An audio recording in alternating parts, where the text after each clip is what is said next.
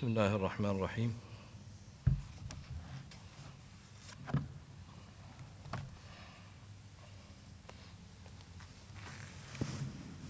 ما زلنا مع الإمام مالك رحمه الله تعالى يبين لنا الكلمات التي تنوب فيها الحروف في الإعراب عن العلامات تكون علامة الإعراب ينوب فيها الحروف عن العلامات فذكر فيما تقدم رحمه الله تعالى ما يعرف بالأسماء الستة التي هي الخمسة واليوم يتكلم عن المثنى.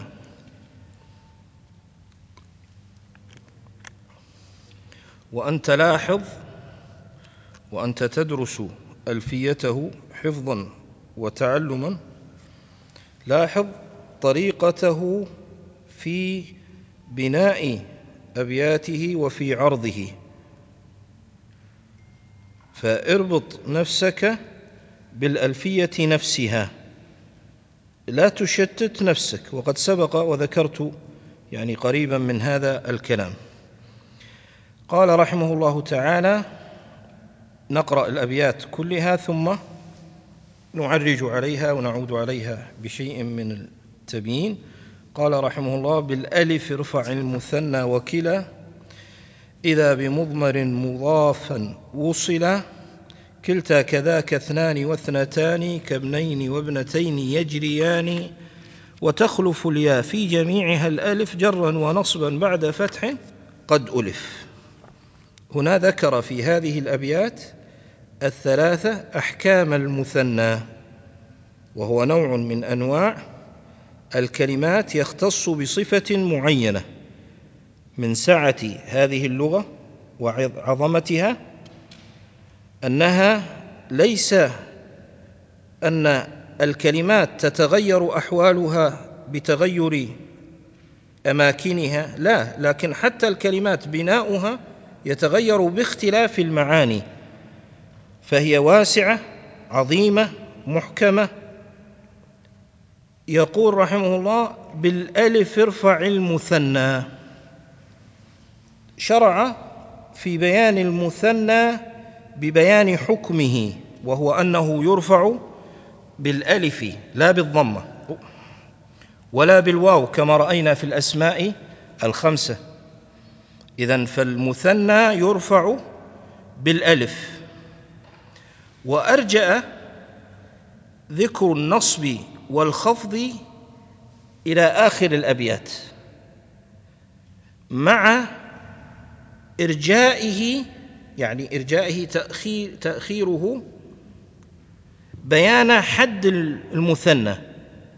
يعني هو أول شيء شرع هنا يبين لك نوعا وهو المثنى وبين لك أن هذا المثنى أيضا تنوب فيه الحروف عن الحركات. فبين لك أن الإنابة حاصلة بالحروف عن الحركات فالمثنى يرفع بالألف. لكن هنا قال لك قف. أريد أن أقول لك شيئا مستثنى وأريد أن أزج به هنا حتى تتمكن من حفظه ومحاصرته بعد إذ أغلقه في نهاية المطاف بذكر تتمة أحكام المثنى. مثل ما صنع ورأينا وأشرت في الأسماء الخمسة. فهنا أشار أنه شيء اسمه مثنى لم يبين حقيقته. أرجأ مثاله لابنين وابنتين يجريان. وبين لك أنه يرفع بالألف. وأخر بيان أنه يخفض بالياء وينصب بالياء إلى الأبيات الأخيرة البيت الأخير. أتاك هنا بما هو مستثنى للعلة التي ذكرت. طبعا هنا من الفائدة أو لعله من الفائدة الله أعلم نسأل الله لنا ولكم الهدى والسداد.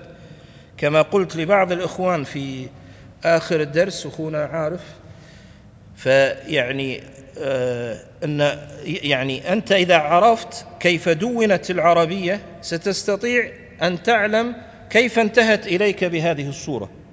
فيتيسر عليك تعلمها. العربية في الأصل أن أئمة العربية حين جاءوا إلى اللسان العربي في سعته لم يأتوا إلى العربية من جهة القرآن والسنة. مع اتفاق المسلمين المعتنين بالعربية على أن أفصح من نطق بالضاد هو النبي صلى الله عليه وسلم. وأما القرآن فحسبك أنه كلام الله عز وجل. لكنهم صاروا إلى اللسان العربي لأنهم بصدد حفظ هذا اللسان. ليسوا بصدد أن يأتوا إلى العربية من بابه كلام الله وكلام النبي صلى الله عليه وسلم. ولذلك حين لا يعرجون على القرآن ولا يعرجون على الحديث إلا لماما أو أحيانا فليس هذا كما فهم بعضهم أن الحديث لا يحتج به على أحكام اللغة العربية. لا. لا ابدا.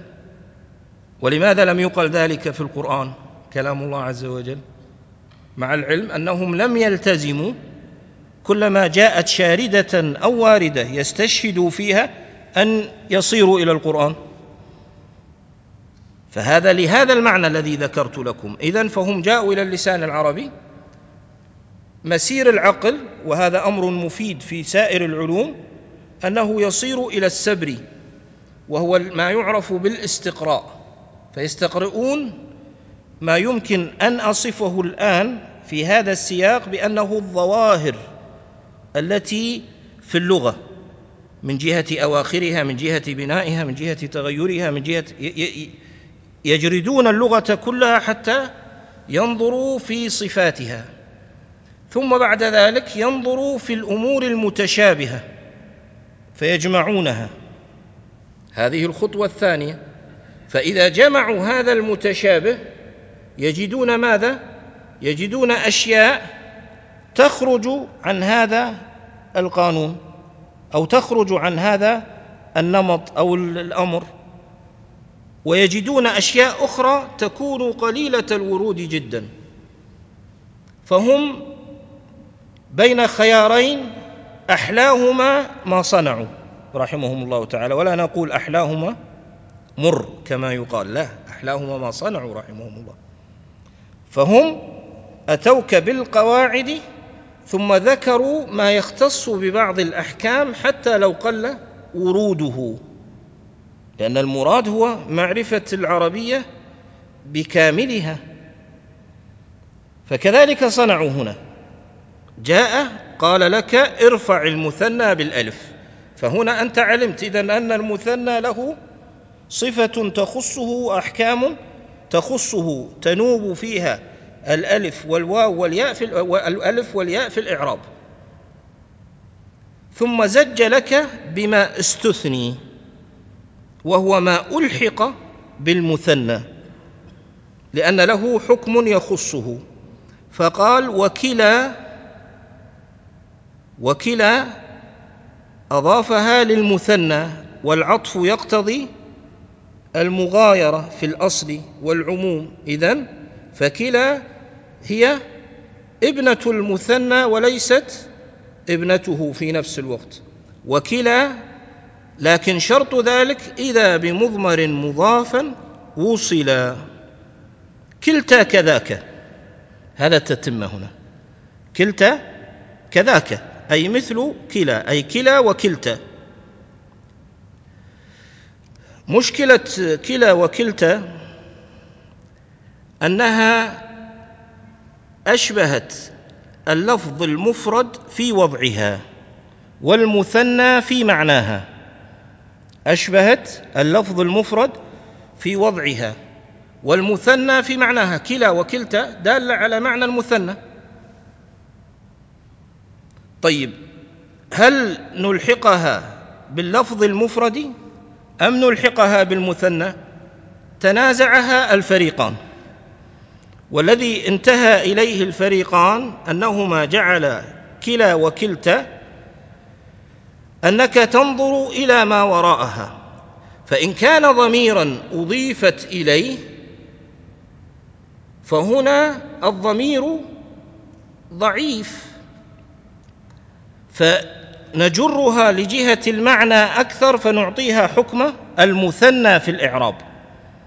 إذا بمضمر مضاف وصل جاء الرجلان كلاهما جاءت المرأتان كلتاهما مررت بالرجلين كليهما رأيت الرجلان رأيت الرجلان كلي كلي كلاهما. هكذا. فإذا إذا أضيفت كلا وكلتا إلى الضمير ولم تضف إذا قلت جاء كلا الرجلين. هنا اختلف الأمر. مررت بكلا الرجلين. رأيت كلا الرجلين. ما دام أضفتها إلى اسم ظاهر هنا كلا وكلتا تلزم الألف. تلزم الألف لا تتغير. أما إذا أضيفت إلى ضمير هنا يجري عليها ما يجري على المثنى من أنها ترفع بالألف وتخفض وتنصب بالياء. إذا وكلا إذا بمضمر مضافا وصل كلتا كذاك. فهذين اللفظين خرجا عن حكم المثنى. بوجود هذه الصفة. طيب. اثنان واثنتان. هذا هنا معطوف على الواو في كلا. اثنان واثنتان أيضا هذا مستثنى ككلا وكلتا. لكن حكمه يختلف. حكمه يختلف. فهو لا يأتي إلا بهذه الصيغة الدالة على المثنى. ولذلك يجي يقولون له ملحق بالمثنى يجري عليه حكمه وأشار إلى ذلك بقوله كابنين وابنتين يجريان. اذا اثنان واثنتان كابنين وابنتين يجريان أي يجريان في الحكم في حكم الإعراب. من حيث أنهما ملحقتان بالمثنى فكونهما يجريان كابنين وابنتين يعلم منه أنهما ليس كابنين وابنتين في كل شيء. معناه أنهما ليس كابنين وابنتين في كل شيء وإنما هما ملحقان. طيب ما الفارق بين اثنان واثنتين واثنتان وابنين وابنتين؟ أنت انظر إلى الفارق بنفسك. احذف الألف والنون في اثنان واثنتان واحذفهما في ابنين وابنتين. إذا حذفتها في اثنان واثنتان سيكون إثن. وإذا حذفتها في اثنتان تكون إثنت. ماكو شيء. يعني معناها كما يقال فالصو ماكو شيء. مو صحيح. ما تأتي إلا بهذا التركيب. بينما كابنين وابنتين احذف الياء والنون هنا أو الألف والنون لنفرض أنها ابنان وابنتان. احذف الألف والنون تكون ابن وابنة بس كلمة صحيحة. إذا فالمثنى هو اسم أضيفت له ألف ونون في الرفع أو ياء ونون في النصب والخفض أفادت معنى التثنية. صالح للتجريد منها. وعطف مثله عليه. فهنا اتضح لنا معنى المثنى. أنه لفظ اسم أضيف له ألف ونون تضيف له. طيب إذا مو مضافة هي موجودة أصلا. مثل بعض أسماء المعاني كجوعان وشبعان أو كبعض الأسماء العلم مثل عثمان وحسان. فهذه موجودة في بنيته لم تضف إليه إذن هو ليس بمثنى. فضلا عن أنه لا يدل على المثنى. طيب لفظة تدل على التثنية لكن من غير ألف ونون. كزوج. شفع. فهذا أيضا ليس بمثنى. فاتضح لنا إذن أن المثنى هو اسم دال على اثنين بإضافة ألف ونون. في الرفع أو ياء ونون في النصب والخفض صالح للتجريد منها وإضافة مثله عليه. تقول جاء الرجلان وتقول جاء رجل ورجل. فهذا هو المثنى. طيب ما حكمه؟ حكمه وتخلف الياء في جميعها الألف وهو قد صدر أنه يرفع بالألف. بالألف ارفع المثنى وكلا كابنين وابنتين يجريان وتخلف الياء في جميعها الألف أي جرا ونصبا. يعني الياء تكون علامة للجر والنصب في المثنى عوضا عن الكسرة والفتحة في المثنى. هذا حكمه هذا تمام حكمه ابتدأ حكمه في أول شيء وهنا أتمه. بعد فتح قد ألف. يعني أن المثنى يكون ما قبل الألف والنون والياء والنون يكون ماذا؟ مفتوحا. يكون مفتوحا. تلتزم أن تجعله مفتوحا. ولم يتكلم عن آخره. لماذا؟ لأنه أرجأ الكلام على حركة آخره بعد الكلام على جمع المذكر السالم. لأنه سيأتي إلى الياء والنون المسلمين راح يأتي هناك في جمع المذكر السالم يتكلم لك عن الحركة التي تكون آخر شيء فيناسب أن يذكر علامة المثنى. ويكفي هذا القدر ونأخذ إن شاء الله البقية في الدرس القادم. جزاكم الله خير. طبعا كلتا وكلا يعني كما قلت يعني مشابهة لللفظ المفرد ولذلك يصح يعني في الضمير يعني أنك يعني ترجعه إلى اعتبار التثنية وأن ترجعه لاعتبار المفرد.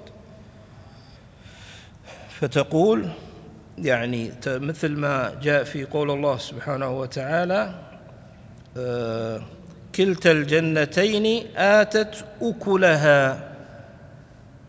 ولم تظلم منه شيئا.